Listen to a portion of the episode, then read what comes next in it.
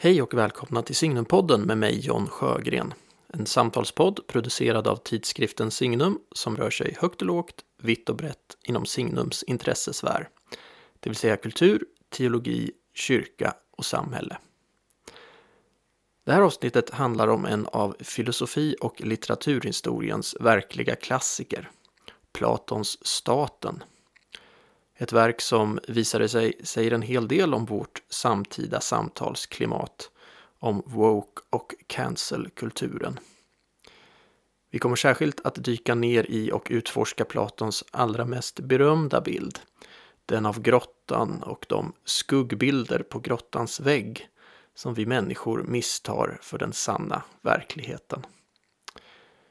Med mig för att samtala om detta har jag författaren och skribenten Lena Andersson. Lena är aktuell med boken Resten av verkligheten. En samling med krönikor skrivna mellan 2018 och 2021. Hoppas ni ska finna samtalet intressant.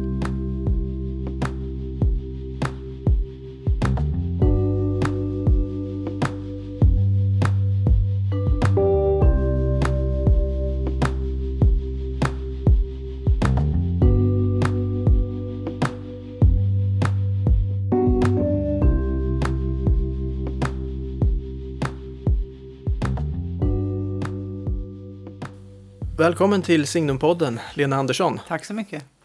Eh, vi ska prata Platon här idag.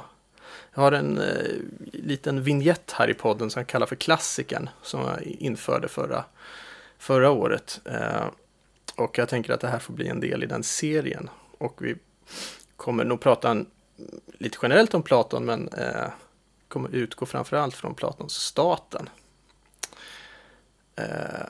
Vill du säga någonting först om hur du upptäckte Platon, när du läste Platon första gången? Ja, jag upptäckte Platon två gånger kan man säga. Eller en gång ordentligt och det var den senaste då. Eh, först läste jag honom när jag läste statsvetenskap eh, i kompendium. Någon, något utdrag ur staten. Eh, då var jag ju 21. Mm. Det var nog första gången jag överhuvudtaget stötte på honom tror jag. Men det var ju inte så mycket.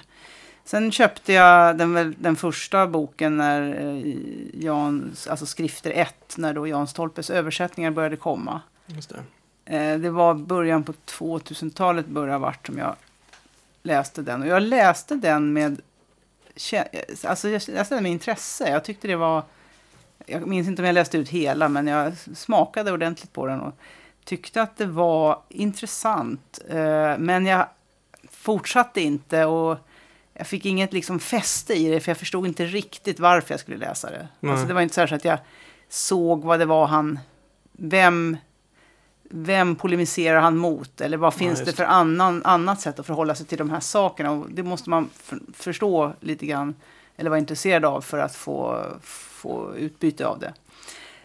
Eh, så att jag läste inte vidare i Platon. och... Eh, Sen läste jag eh, Karl Poppers eh, Det öppna samhället och dess fiender för ett mm. uppdrag jag skulle göra om den. Jag hade inte läst den tidigare, det här var 2014 på hösten.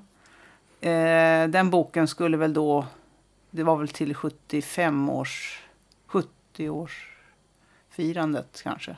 Mm inför det. Så jag läste den mycket noga en hel höst inför det där. Jag skulle hålla något anförande.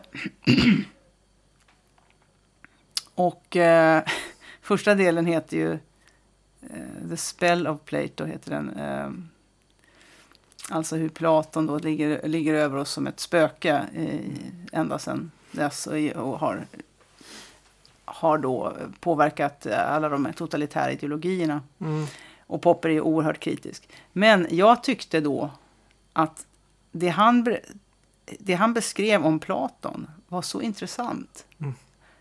Alltså, det, det, det, som var från Platon var så intressant. Mm, att jag omedelbart började läsa Platon. Intressant. Och då hade jag med mig, det som jag inte hade då på två, tidigt 2000-tal var att jag då hade med mig mots motståndarna till Platon som jag hade införlivat. Alltså det som fortfarande är samma egentligen strid. Mm. Alltså det sofistiska, det, eh, det här eh, eh, ordvrängeri eh, Mm. och att, eh, ja egentligen relativistiskt också. Just det. Eh, som jag då, och pa- atomistiskt och alla, alla de här uppdelning, upphackade världen av att eh, det här som man får höra ofta från eh, scientistiska, alltså väldigt, väldigt naturvetenskapliga människor, att eh, kan man höra att ja, ingenting finns egentligen, utan det, är- Mm, det är en slags mm. illusion. Eh, tiden finns inte, utan den är bara det här. Och färg finns inte. Alltså, det är aldrig något som finns.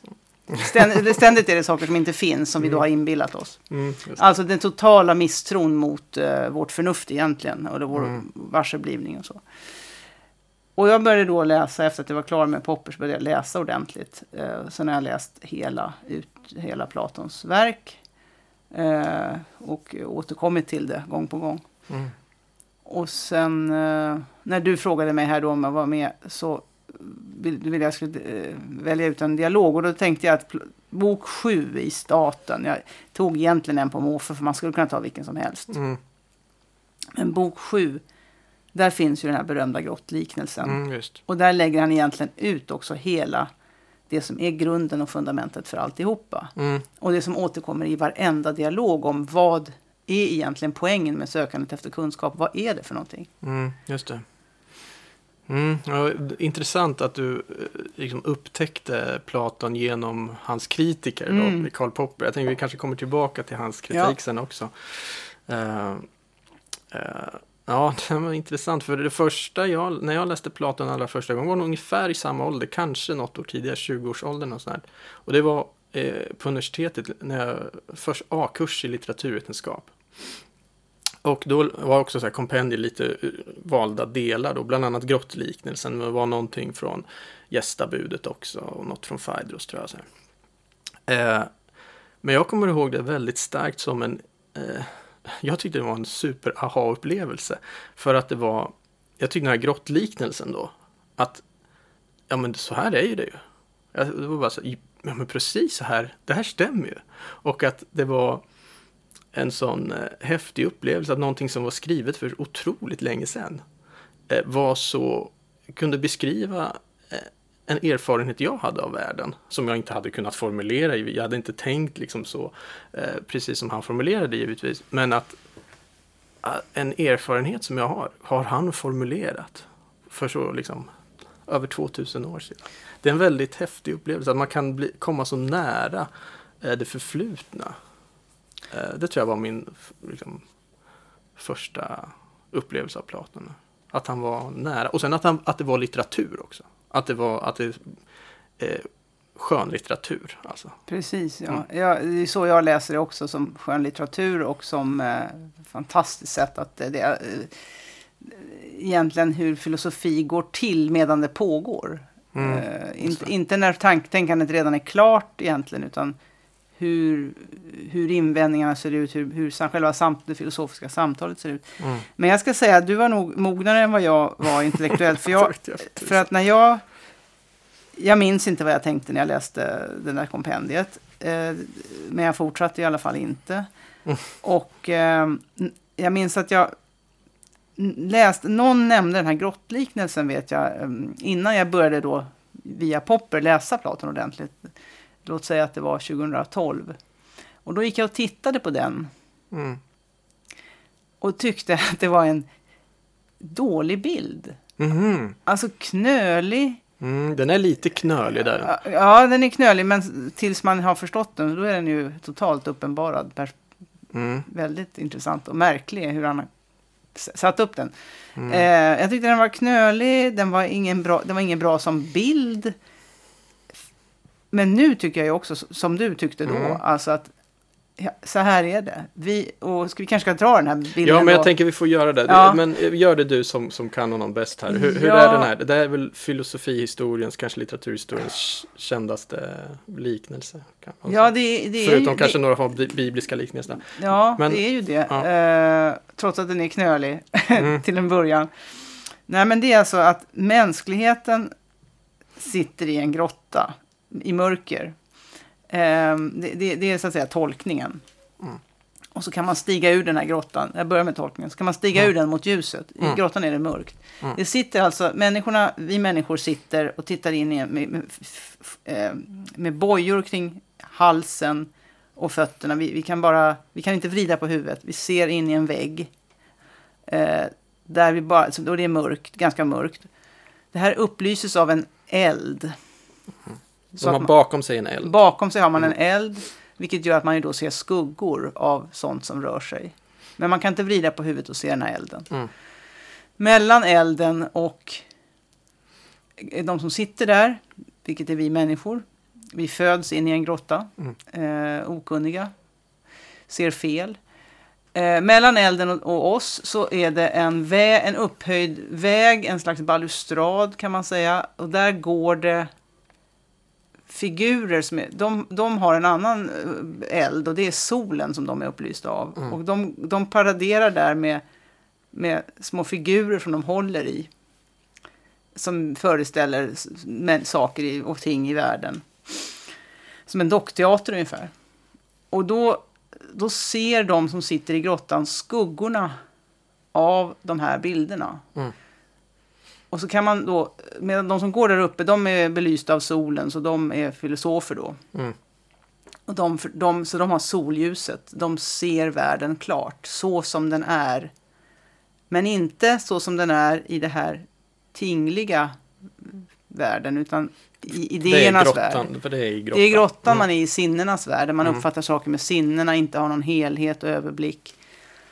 Men om man tar sig upp, och det är det som är syftet med att leva, att studera, det är att ta sig upp då. Att själen ska ta sig upp så att, så att man kan nå sanningen genom eh, att tänka snarare än att eh, li, förlita sig på sinnena. Mm. Och eh, först när man, vänder sig om, när man vänder sig om mot elden så tänker man att bländas man av den först Mm. och tänker, ser knappt någonting. Och man tror mindre på det man ser då, som är verkligare, än det man såg nyss som var skuggor. Mm. Och sen finns ett ytterligare uppstigande och det mot solen och då blir man jättebländad. Och så ser man, eh, och då vänder man sig bort från den, men då ser man ändå ganska hyfsat. Man ser ändå saker och ting reflekteras av solen i eh, reflektioner av verklighet. Eh, Så man är på väg uppåt med det här uppstigandet mot eh, det sanna varat. Mm. Och Det som är då. eh, det som är och ja. inte det som blir till hela tiden och förgås. Nej, precis, och, och, och, eh, exakt. Ja, men där har vi ju liknelsen.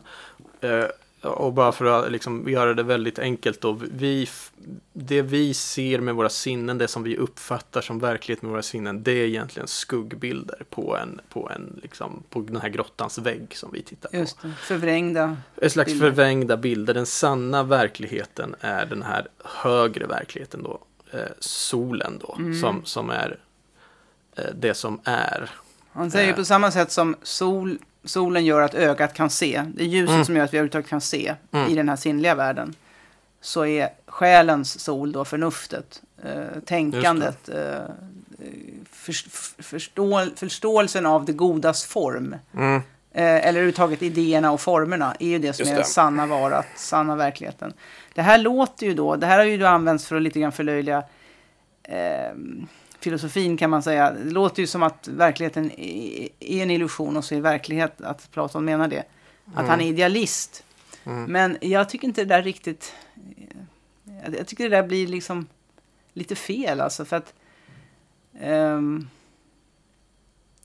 jag tycker snarare att han kommer åt hur vi människor, vår hjärna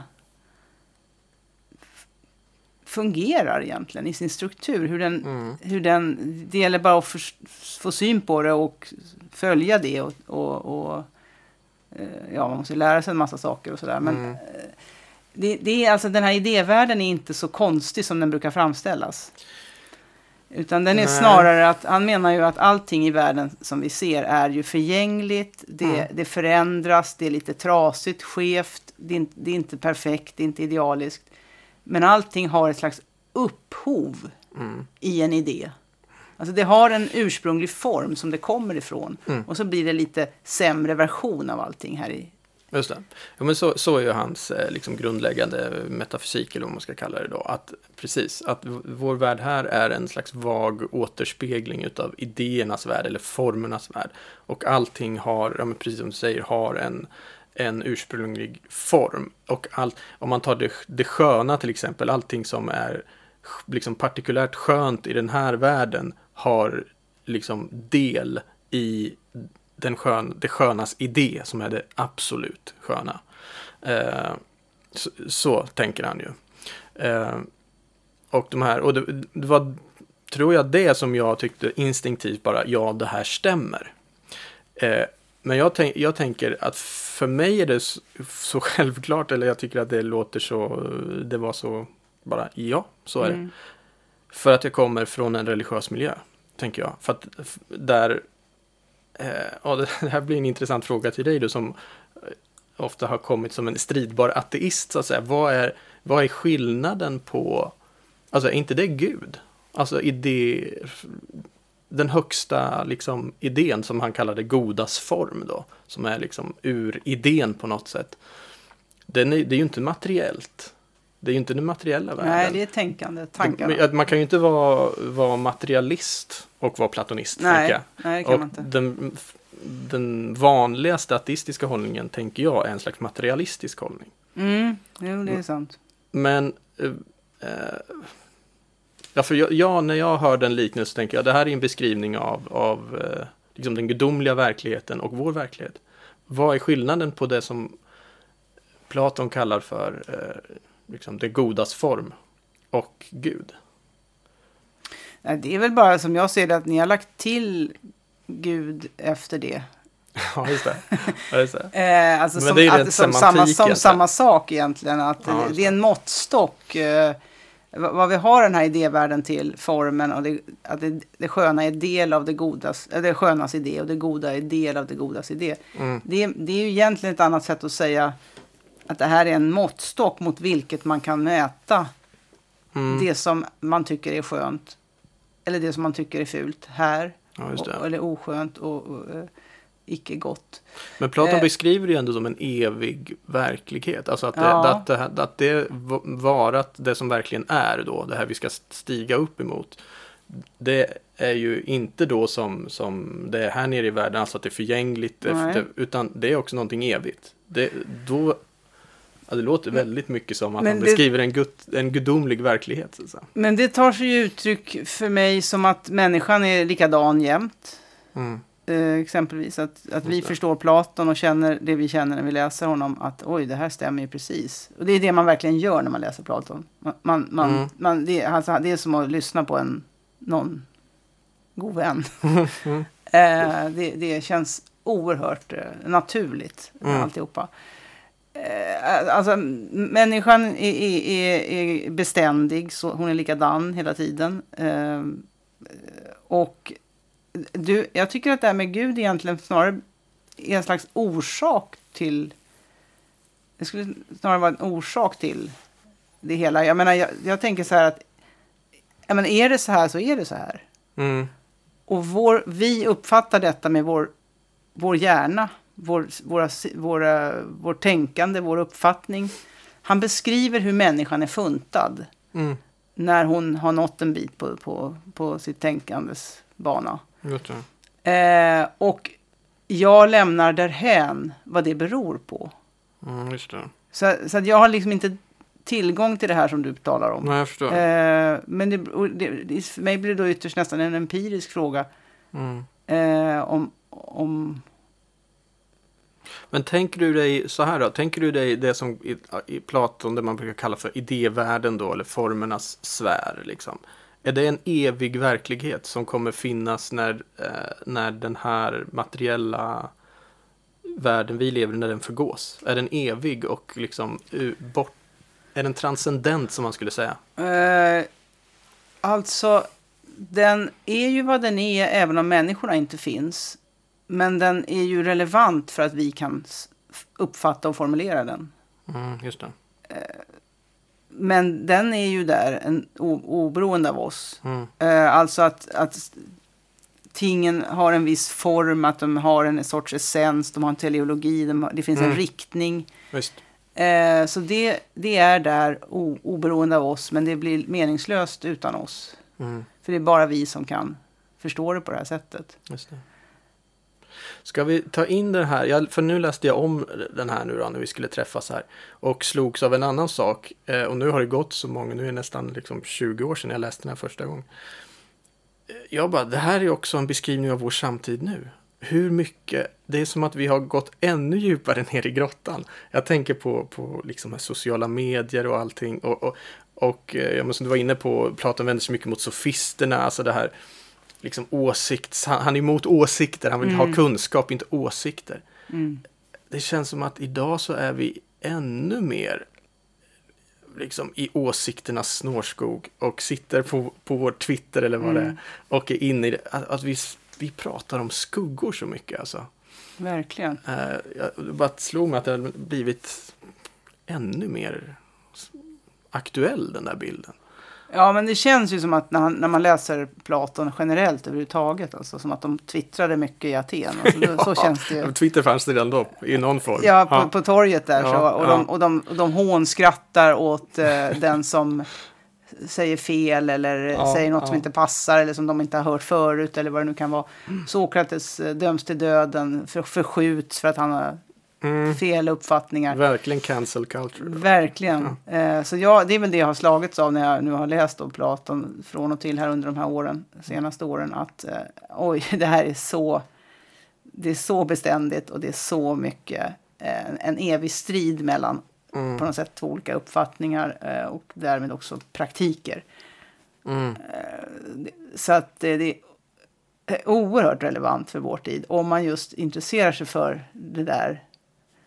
Vad står det här i motsättning till? mm, Eh, vi har ju också, men man kan dra det längre, vi har ju också eh, en, en, en väldigt en, en, ska säga, en vetenskapssyn som är, som är väldigt mycket, ja, jag vill säga positivistisk, alltså, Mm. men, det är många som vänder sig mot att man använder det ordet. Men alltså den är uppdelad i små säkra data och sen eh, fälten är väldigt specialiserade. En forskare vågar, vågar knappt säga någonting om det de inte har forskat på. Mm. Trots att det hör till common sense. Eh, och common sense för övrigt är oerhört, eh, oerhört eh, nedvärderat. mm, Och det är inte så att Platon direkt håller på med common sense. Men, men det är ändå det. Alltså han, använd, han anser att man måste kunna använda det mänskliga förnuftet. Mm. Och inte lita till, eh, till, mätningar eller, mm. eller, eller em- bara empiri. Utan det är, det är vår, vårt förstånd som måste sätta ihop det till en sanning. Att, det. och, och de här sofisterna är ju väldigt lika ofta poststrukturalister eller postmodernister. Mm. Och och radikalskepticister också finns det ju här. Mm. Som, Ja, precis. som han då går, går till strid mot. Mm. Nej, han, det, det, han är ju verkligen inte en relativist och, sätter ju väldigt hög, eh, högt värde på förnuftet. Jag, jag tycker också man... Eh, det är ju det som också gör dig lite som en unik röst tycker jag i, i liksom svensk eh, offentlighet och i intellektuell debatt och så här, va? Man, man känner ju igen din liksom, eh, vad ska man säga, metod lite grann här. Va? Eh, för du dras ju sällan in i det här liksom. Och du kan ju komma med, du kan ju hamna i blåsväder absolut för saker du skriver. Men det är inte det här liksom. Du, du söker ju alltid eh, kunskap och, och eh, på något sätt eh, ordning och reda. så att säga. Ja, det, det, det gör jag nog faktiskt. Och jag försöker undvika personstrider framförallt Mm, i väldigt mm. hög grad. För de är ju helt meningslösa. Mm. Och eh, försöker hitta just det som är lite ovanför. Varför har vi de här åsikterna? Mm. Och om vi har dem, hur har vi nått dem? Och dessutom försöker jag också skriva, om- eller det jag dras till att skriva om sånt som det går att snarare resonera sig fram till än att ha en massa fakta då, eller empiri som man stödjer sig på. Mm. För att den där empirin kommer alltid någon visa är fel. Det kommer alltid vara fel någonstans. Ja, vi, vi har gjort ett stort eh, felslut tror jag i, i, idag. Många gör att man likställer fakta med sanning. Mm.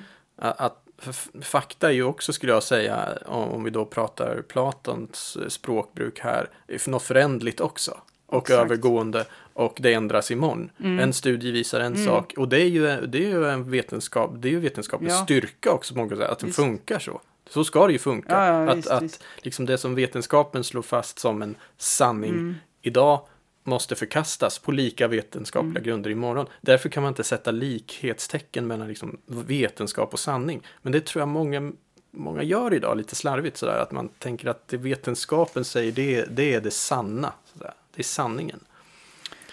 Ja, och resonemanget har man ingen tilltro till för det är ju ett, ett förnuft.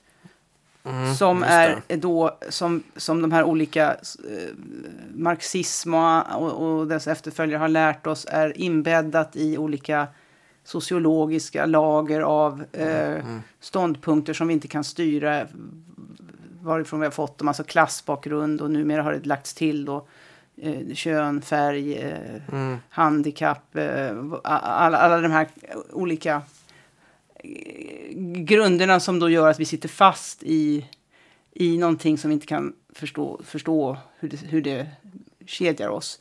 Mm. Och medan då ja, Platon menar ju att förnuftet är ju, när, när vi använder det rätt så är, så är vi ju inte ke- kedjade av sånt. Nej, just det. Och det går att, det är prövbart, så att någon kan ju, man kan ju pröva så att säga, eftersom det här är dialektiskt, alltså resonerande, så kan man ju pröva om det stämmer eller om det bara är en klassståndpunkt. Mm. Just det. Eh, så det där gör det ju hopplöst att resonera. Utan, och då blir det här att man retirerar in i någon forskningsstudie. Eftersom själva individens förnuft är ju djupt ifrågasatt som något ens möjligt. Eftersom det är liksom kontamine- kontaminerat av, av Massa alla saker. möjliga Mm, eh, sociologiska kategorier. Mm. Och då, då, då återstår ju bara åsikter och torget och, och megafonen. Mm. Ja, just det. Det där är int- intressant. Det, det, finns ju närmast en, för du tar upp det här och lite identitets, identitetspolitiska eh, här. Och du nämnde Karl Popper här innan också, att du läste honom och det var där du upptäckte honom. Och han är ju väldigt kritisk mot Platon. Och han har ju ett resonemang som nästan är, är tvärtom. Att, att eh, mycket av de här liksom totalitära ideologierna och man kan dra det också då idag till, till den här bokkulturen och så eh, är platonsk i sitt ursprung för att han menar då att det är att eh, Platon är ju mycket mer liksom abstraktioner hela tiden, drar upp allting från det individuella till det abstrakta, till det allmänna. Liksom det är det som möjliggör liksom Marx klassanalys eller Hegels liksom historien och eh, om man då går idag till, till det här mer identitetspolitiska, att man ser inte individen utan man ser liksom eh, en svart person, alltså det blir ett kollektiv då liksom.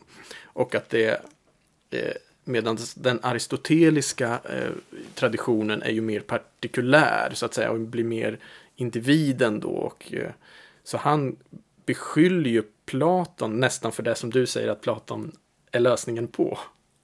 Eh, förstår du vad jag menar? Ja, jo, um, jag tycker ändå att Aristoteles för många av våra syften, jag har inte läst honom så som jag har läst Platon, men Nej. Eh, eh, jag tycker att de i de syften, i de avseenden som har intresserat mig, att de är mer lika varandra Mm. än man vill få det till. Just det. Alltså detta med essenser och former Där, där är de ju väldigt lika. Ja. ja visst. och um, resonerandet, alltså metafysikens um, um, nödvändighet. Mm. Eh, för att jag håller med dig om att de här rörelserna kan verka ibland som att de... De är ju lite utopiska på något sätt. Mm. Och då kan man lätt se ut som att man vill ha någon högre sanning än den som är här i den här stökiga tillvaron. Mm.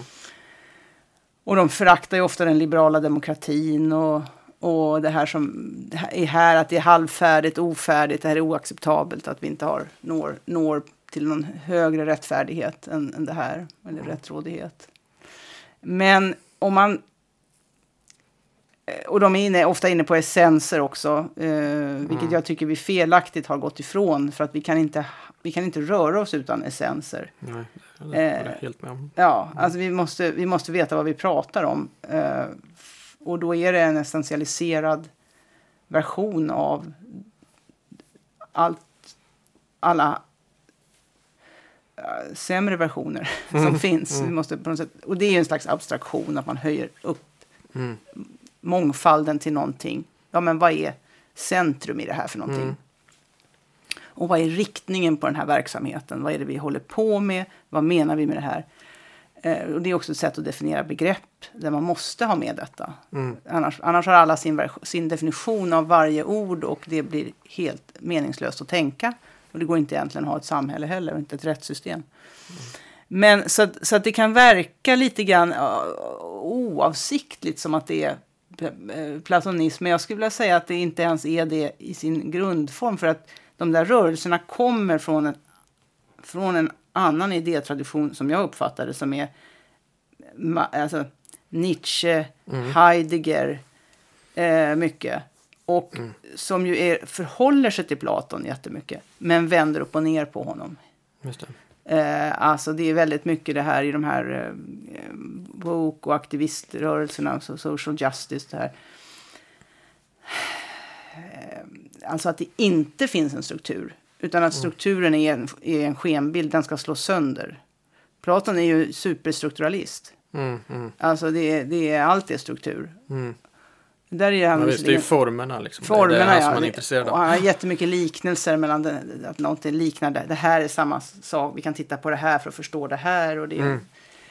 eh, det, det, där, där är ju Marx då mer så att han har eh, former och en, en, en, en, att det är logiska system. Liksom. Mm. Mm. Sen, sen bryts ju det där ut, eller loss, och man blir mer upptagen av eh, att eh, alltså, kritisera idén om essenser även i tingen. Att allt kan vara hur, hur som helst och det finns ingen normalitet, det finns ingen centrum, det finns ingenting som är. Allt är i tillblivelse. Mm, Alltså de vänder egentligen totalt upp och ner på det. mm, Allt är i tillblivelse hela tiden. mm, Det, även ens kön, man, man föds ju till att kön kan byta. mm, Man, eh, ingenting står stilla någonsin, utan ingenting går att definiera för det är historicistiskt och just nu är det så här och nästa år är det något annat. Och, mm. Nej, visst. Så jag tror det där är skenbart på grund av den utopism som finns i det. Just det. Mm. Jo, men det, det, det är nog sant.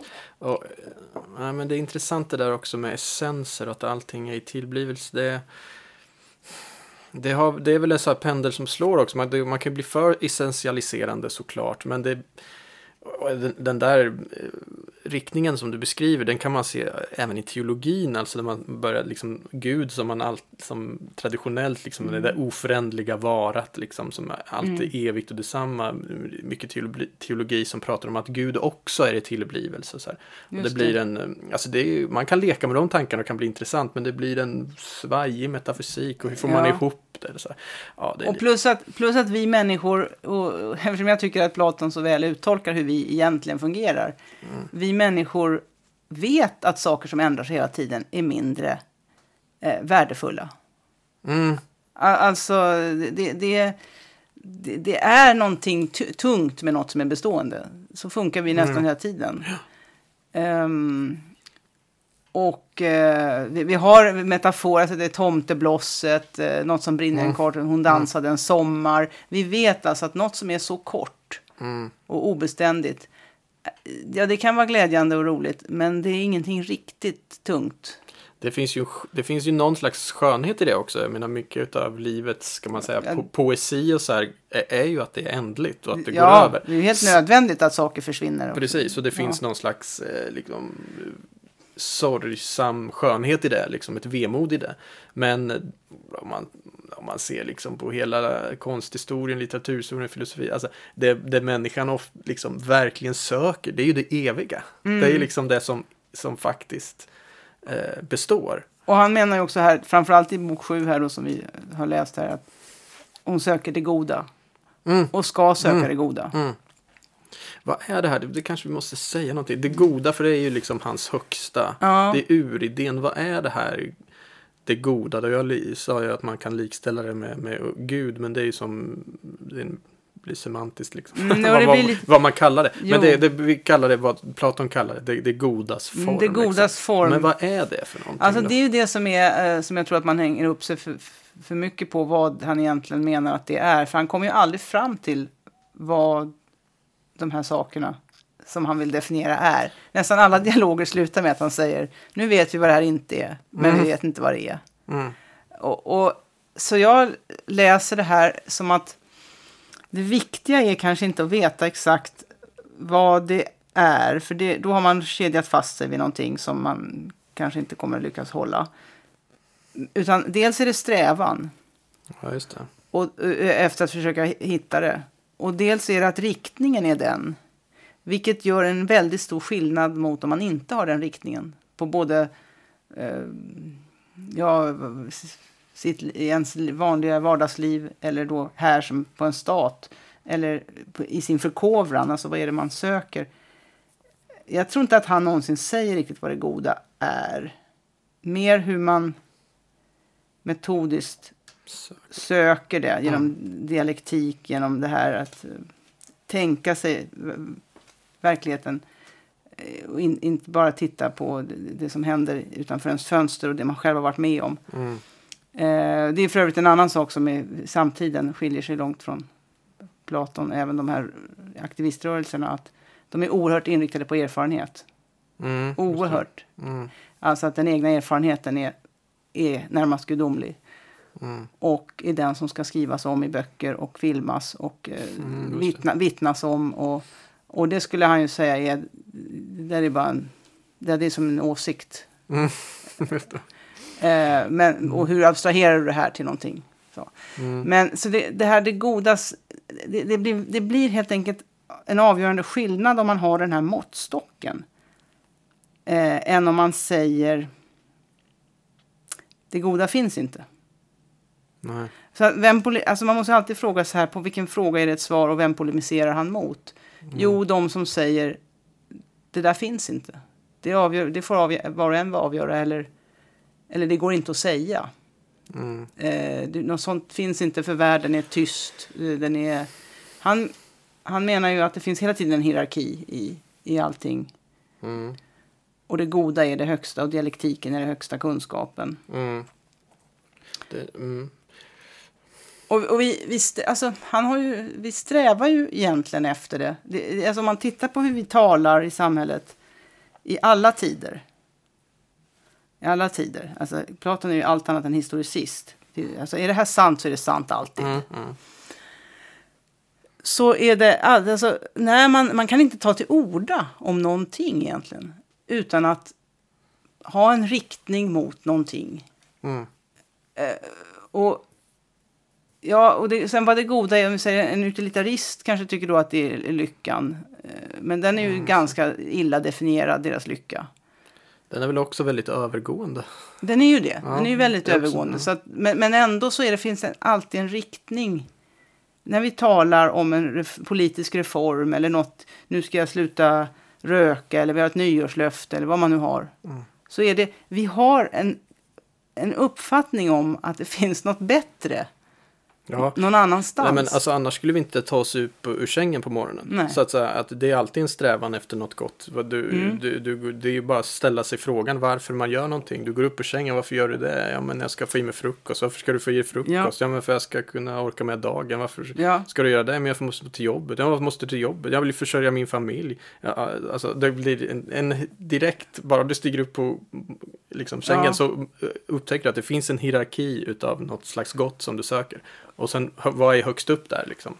och jag tror att det- är mer det han är ute efter. Mm. Än att peka ut vad detta goda är. Just det. Exakt. Mm. Det, det, det, det är uppfattningen att det finns är viktigare. Och att det finns en riktning mot det. Mm. Och Och han, hur den ser ut. ja, just det. Han säger ju aldrig, precis som du sa, han säger aldrig vad det är riktigt.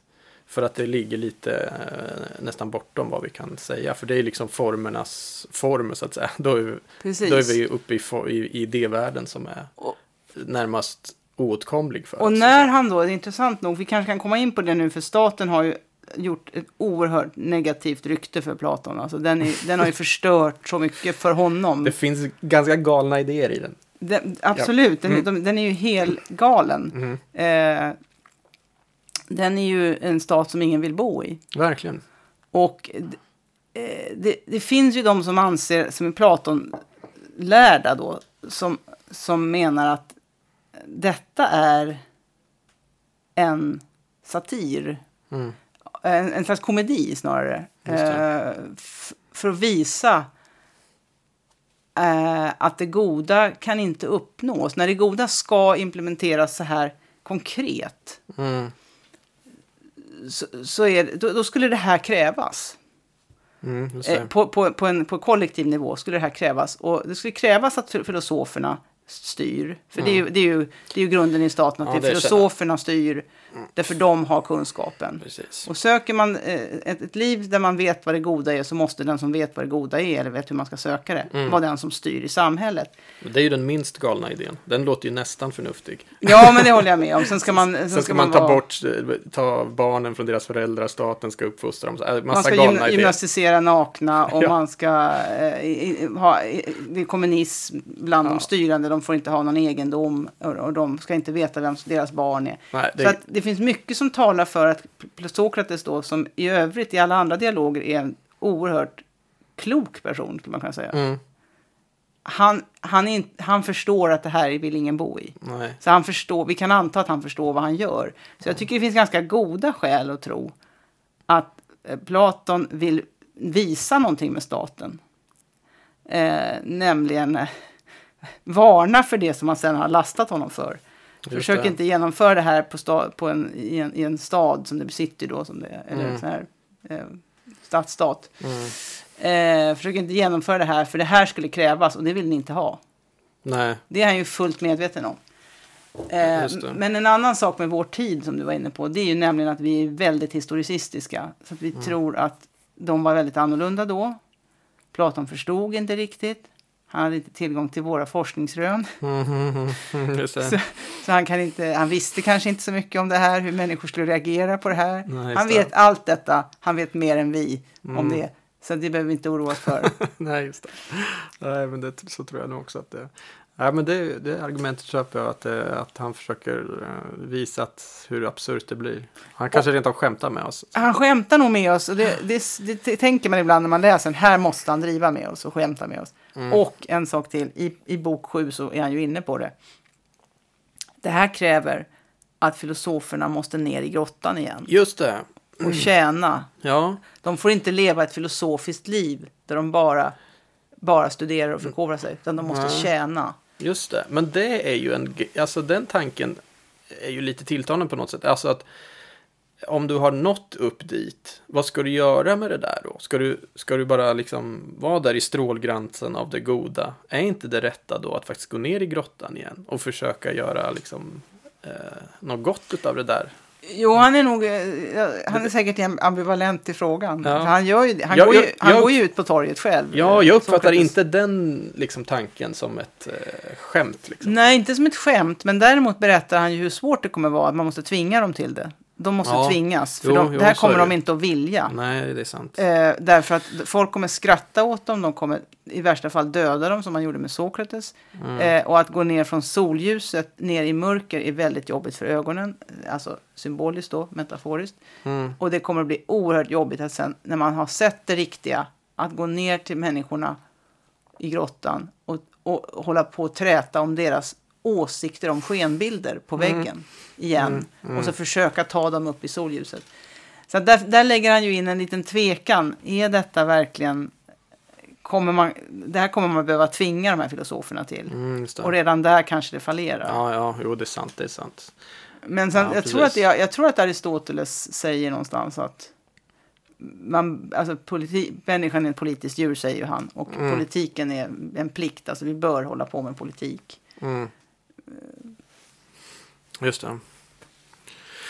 Eh, han skriver ju här i, i bok 7 också om liksom olika studier och olika mm, stadier som man liksom rör sig upp då mot mer och mer då ur grottan och upp mot, mot liksom det, det godas form då. Eh, eh, jag tänker vi behöver inte säga alla de där stadierna, men det han kommer fram till som den högsta formen, det är då dialektiken. Eh, dialogen då kan man säga, Platon jobbar ju alltid med rent formmässigt i sina, med, med dialogen, men han beskriver då dialektiken, det är vägen ut ur grottan. Eh, att man försöker ta sig fram till det som verkligen är utan alla sinnen, bara genom förnuftet. Eh, är, det, är det möjligt ens en gång? Alltså. Nej, eh, nej jag, tror att det, jag tror att det är omöjligt egentligen på samma sätt som den här staten är omöjlig. Mm. Och, men att det är en strävan. Mm. Och att han egentligen vet det också då. Eftersom varje ja, dialog, nästan, nästan alla andra dialoger slutar med, med att uh, han säger ja, nej vi kommer inte längre så här. Ja, just det, att förnuftet ändå har en gräns så att säga. Ja, och framförallt måste man ju, ja, det har det väl i och för sig, men vi har inte så mycket annat att hålla oss till. Nej. Men, uh, ja det ska vara matematiska uträkningar och det fysikaliska, men men eh, att eh, man, man, är ju också tvungen att Alltså utan sinnena går det ju inte, för vi, må, vi kan ju inte prata om den här världen om vi inte har nej, sett nej. den. Det, det, det, är det som blir min, min invändning. Ja. Där. Aristoteles var ju mer, liksom, betonade sinnena mer. Ja. Eh, och, och, det här rena, genom rena förnuftet, jag tänker att det är omöjligt. Då blir det här idealet, människan ska vara en hjärna på en pinne, liksom, och det går inte. Utan på något sätt tänker jag, ja, men ungefär som du säger, att vi får ju ändå all kunskap mm. genom våra sinnen, även om det, vi lever i grottan så att säga, så är det så är det genom sinnena vi ändå på något sätt. Det, ja, går inte ja. att tänka nej, bort men, dem. Nej, men absolut. Det här rena inte, förnuftet existerar nej, inte och riktigt. Det är inte önskvärt heller för att nej. kroppen är ju oerhört viktig i förståelsen av tillvaron. Kroppslig mm. erfarenhet, eh, eh, hur, det, hur det upplevs att leva. Mm. Eh, och det är därför AI på något konstigt sätt, eh, artificiell intelligens alltså, jag tror att vissa skulle kanske tycka att det är en platonsk idé. Jag, jag tycker att det är precis motsatsen. Alltså AI är, datorerna eller robotarna är ju otroligt odialektiska just. Ja, just de, kan ju, de kan ju inte förstå sammanhanget. Han talar ju till exempel om att dialektiken innebär att man förstår överblicken. Ja, exakt. Den som bara ser enstaka stumpar av verklighet mm. har, är inte dialektiker. De kan inte ha någon överblick. De kan inte se någonting här och dra en slutsats där genom att de ser en struktur. Mm. Och det är ju precis det som robotarna är stendumma på. Mm. Ja, de För de har inte levt. Nej. De vet inte vad en människa är. Just det.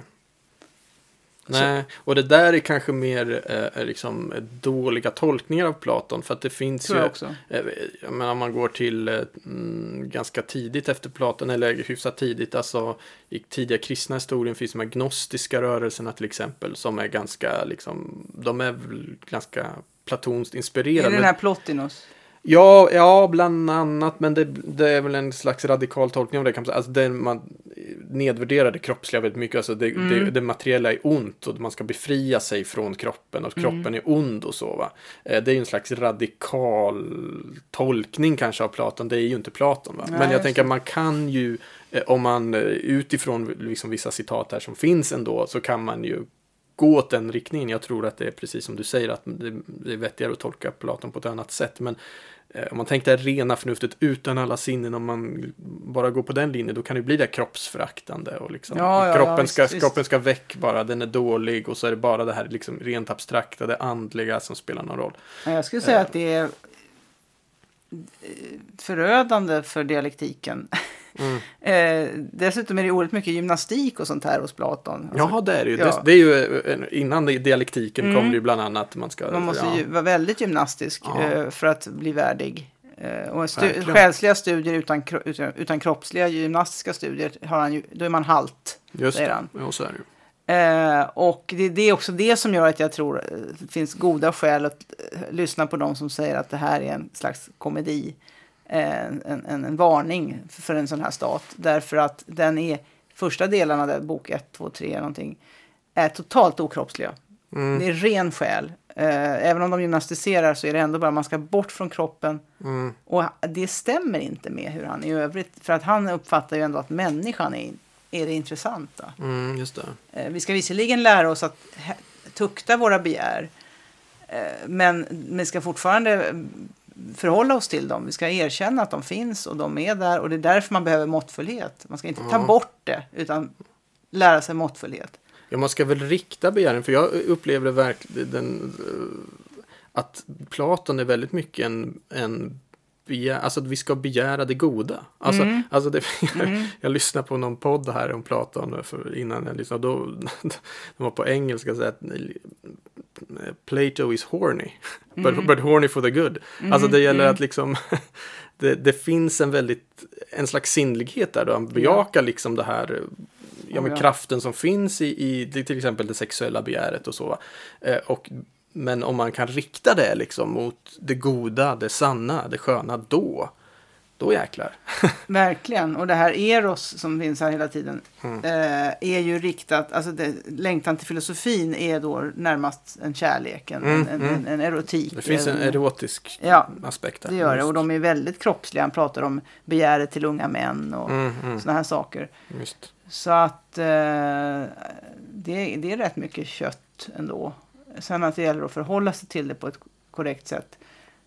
Eh, Och eh, därför är han också, han är intresserad av individen. Du nämnde att han inte bryr sig om individer, men Mm. det beror på att alltså han, individen är på något sätt för, förutsättningen för alltihopa, alltså att människorna finns. Mm. Men vårt enskilda tänkande är inte eh, sant bara för att vi är individer. Nej, det. Utan det finns ju alltid något ovanför oss och det är mer en deskriptiv eh, sak än, än en normativ. Eh, Alltså det är så, så det är bara. Mm. Och eh, jag tycker ju att det är viktigt att hålla ordning på de här nivåerna, alltså deskriptiv och normativ. Eh, hur man når kunskap, hur man analyserar saker är ju en sak. Och sen vad vi ska ha för politiskt system Mm. är liksom ett annat. Och jag skrev en bok som heter Om falsk och äkta liberalism där jag Mm. hade med Platon en del. Den kom 2019 och där jag på något sätt försökte sammanföra olika de här idéerna om, om de här sakerna. Och man kan säga sammanfattningsvis där att det finns en typ av liberalism som tror eller anser att vi ska vara fria för att vi inte vet vad som är rätt. Mm. Ingen kan säga vad som är rätt och fel. Alltså ska vi vara fria att göra det vi vill, då ska individen avgöra det. Mm. Och sen, eh, som, som jag, den är ju helt relativistisk. den har jag ingenting till övers för egentligen, utan Nej. jag tycker att vi ska vara fria trots att vi vet vad som är rätt. Ja, just det. Och det blir lite annat. Mm, det blir helt annat. Ja. Och man får göra fel, Mm. men man får ta ansvaret själv. Mm. Och man har rätt att säga att, att, i, att under lagarna säga att du, du gör fel. Alltså, Mm. Du skulle må mycket bättre om du gjorde så här. Mm. Och den andra liberalismen skulle ju säga det kan du inte säga för det avgör, det avgör hon. Mm.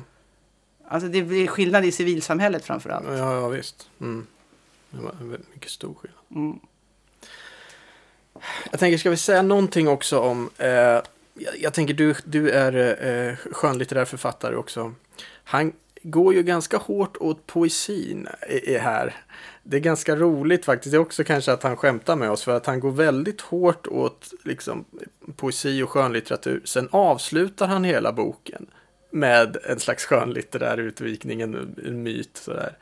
Hur ska vi tolka det där? Han, han gillar inte att eh, skönlitteraturen och teatern, allt det det är blödigt och sentimentalt. Det där tycker han inte om. Och det är inte sant heller. Nej, Alltså de talar inte sanning utan de, Nej. de bara... Nej exakt. Det är lögn och de- hittepå. Po poesin lär oss bara att å, den återskapar bara konventionerna av det vi redan vet. Det är bara Mm. konvention, konventionella uppfattningar och åsikter. Mm. Och därför är den inte nyttig.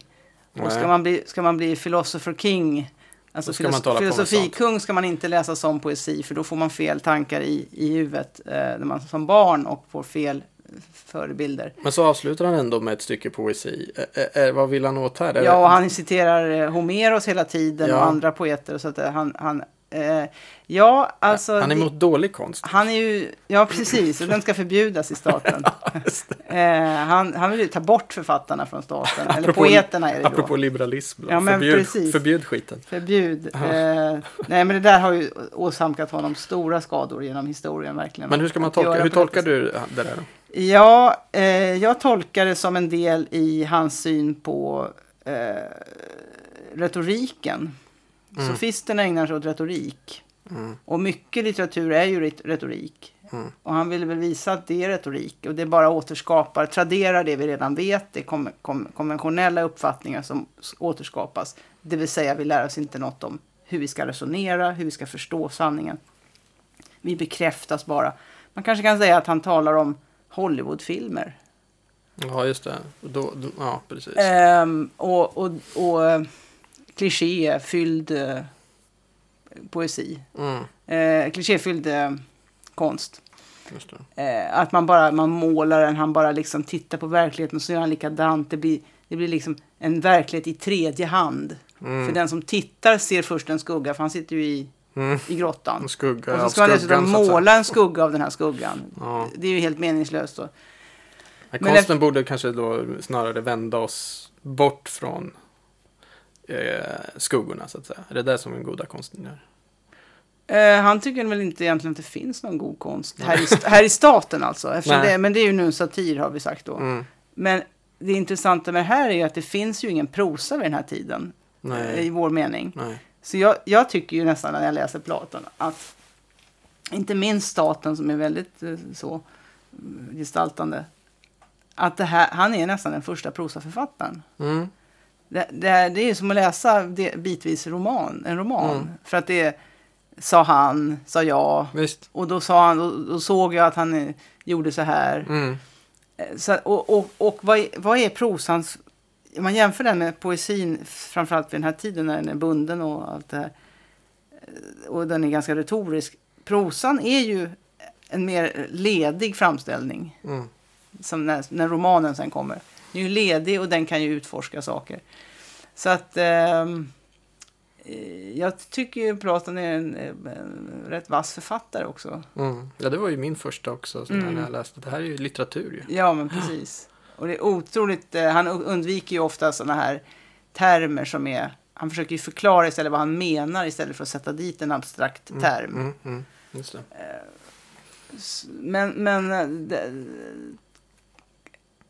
där har väl Aristoteles sagt, jag tror att där måste han väl ha på något sätt gått emot Platon, han har ju sin poetik då. Mm. Där han snarare anser att man kan lära sig någonting om den här verkligheten av att se till dem. Och där, han är ju mer Mm. Det är så mer man uppfattar det.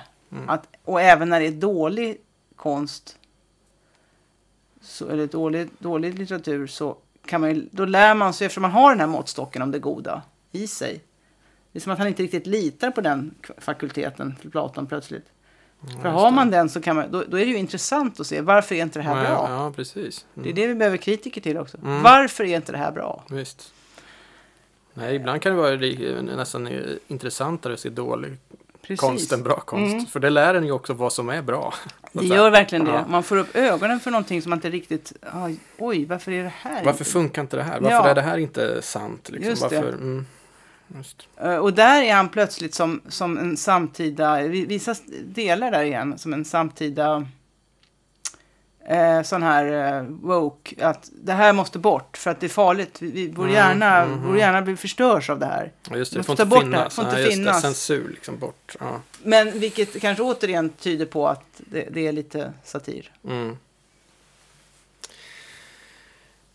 Ja, men då, där har vi i alla fall skrapat lite på ytan utav Platon utifrån staten. Är det något du känner vi har missat som vi bör lägga till? Eller?